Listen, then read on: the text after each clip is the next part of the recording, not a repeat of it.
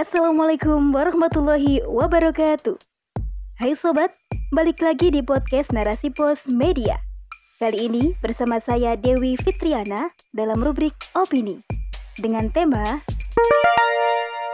Buruh Butuh Solusi Islam oleh Maman El Hakim.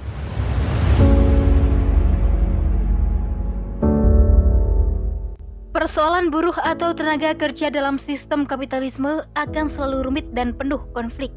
Posisi buruh ditempatkan sebagai orang yang diupah, sementara perusahaan sebagai pengupah. Namun segala kebutuhan hidup buruh seolah dibebankan kepada perusahaan. Maka, banyak sekali tuntutan buruh yang berkaitan dengan kebutuhan hidup layak. Inilah akar masalahnya.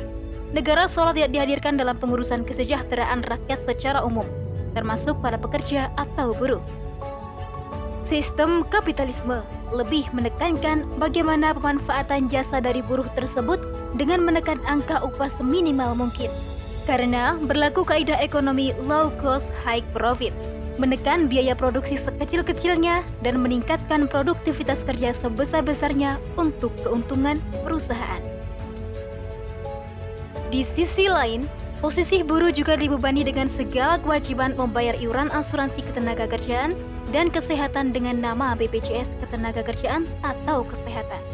Fakta yang menunjukkan bahwa persoalan kesejahteraan buruh ini dianggap menjadi beban perusahaan yang memperkerjakannya.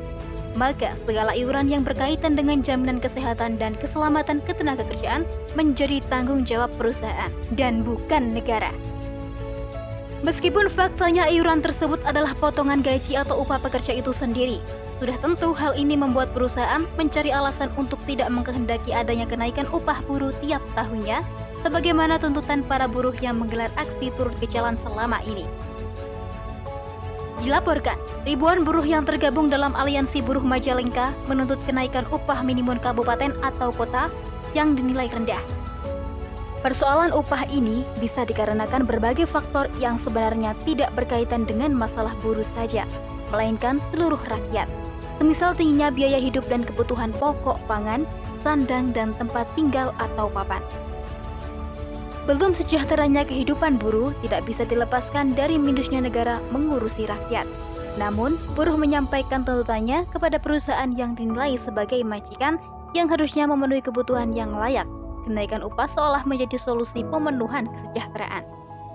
Menteri Ketenagakerjaan Ida Fauzia seperti dikutip dari laman CNN Indonesia pada 15 November 2021 membeberkan soal alasan pemerintah menolak permintaan asosiasi buruh untuk kenaikan upah sebesar 10% pada 2022. Alasannya, pemerintah harus menggunakan formula pengupahan yang telah tertuang di Undang-Undang Nomor 11 Tahun 2020 tentang Cipta Kerja. Pemerintah juga harus merujuk pada aturan turunannya berupa peraturan pemerintah nomor 36 tahun 2021 tentang pengupahan.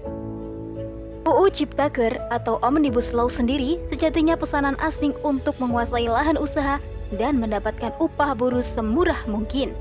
Dalam hal ini, pengamat buruh Heru Setiawan memberikan tanggapan bahwa aturan upah pada PP nomor 36 tahun 2021 ini ditolak oleh pihak buruh Sedangkan menurut Mirah Sumirat, Presiden Asosiasi Serikat Pekerja Indonesia, tuntutan kenaikan upah buruh diajukan berdasarkan pada hasil survei kebutuhan hidup layak atau KHL yang dilakukan oleh Konfederasi Serikat Pekerja Indonesia di 24 provinsi. Dengan menggunakan 60 komponen KHL, hasil survei KHL KSPI menunjukkan bahwa besaran kenaikan upah minimum atau UMK tahun 2022 di kisaran angka 7 sampai 10 persen.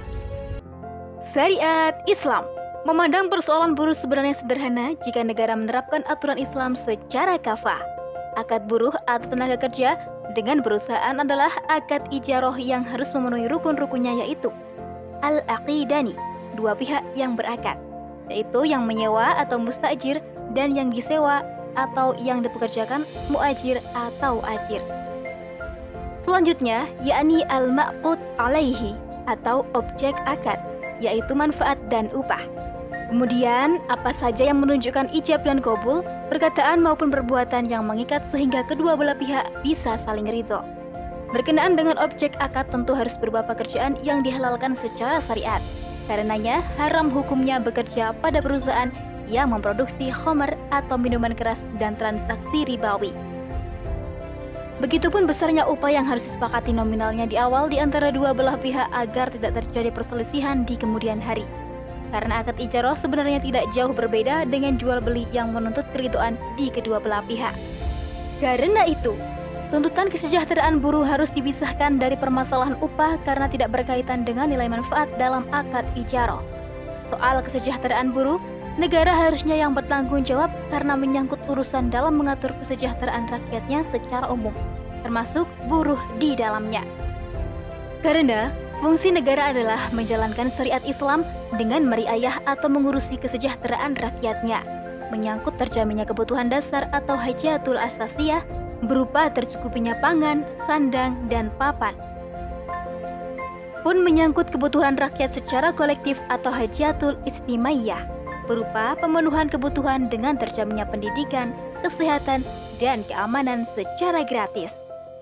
Tuntutan upah minimum kabupaten atau kota atau regional tidak perlu terjadi karena syariat Islam akan menyerahkan sesuai upah pada akad ijaroh masing-masing antara kedua belah pihak yang berakad, yakni perusahaan dan pekerja.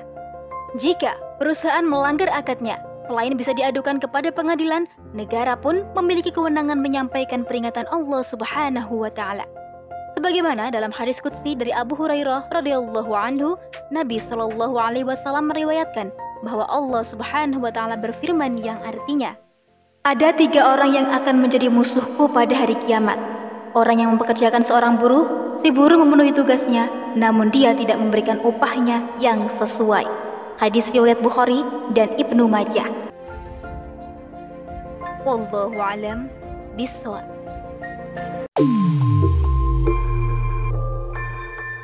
Demikian rubrik opini kali ini.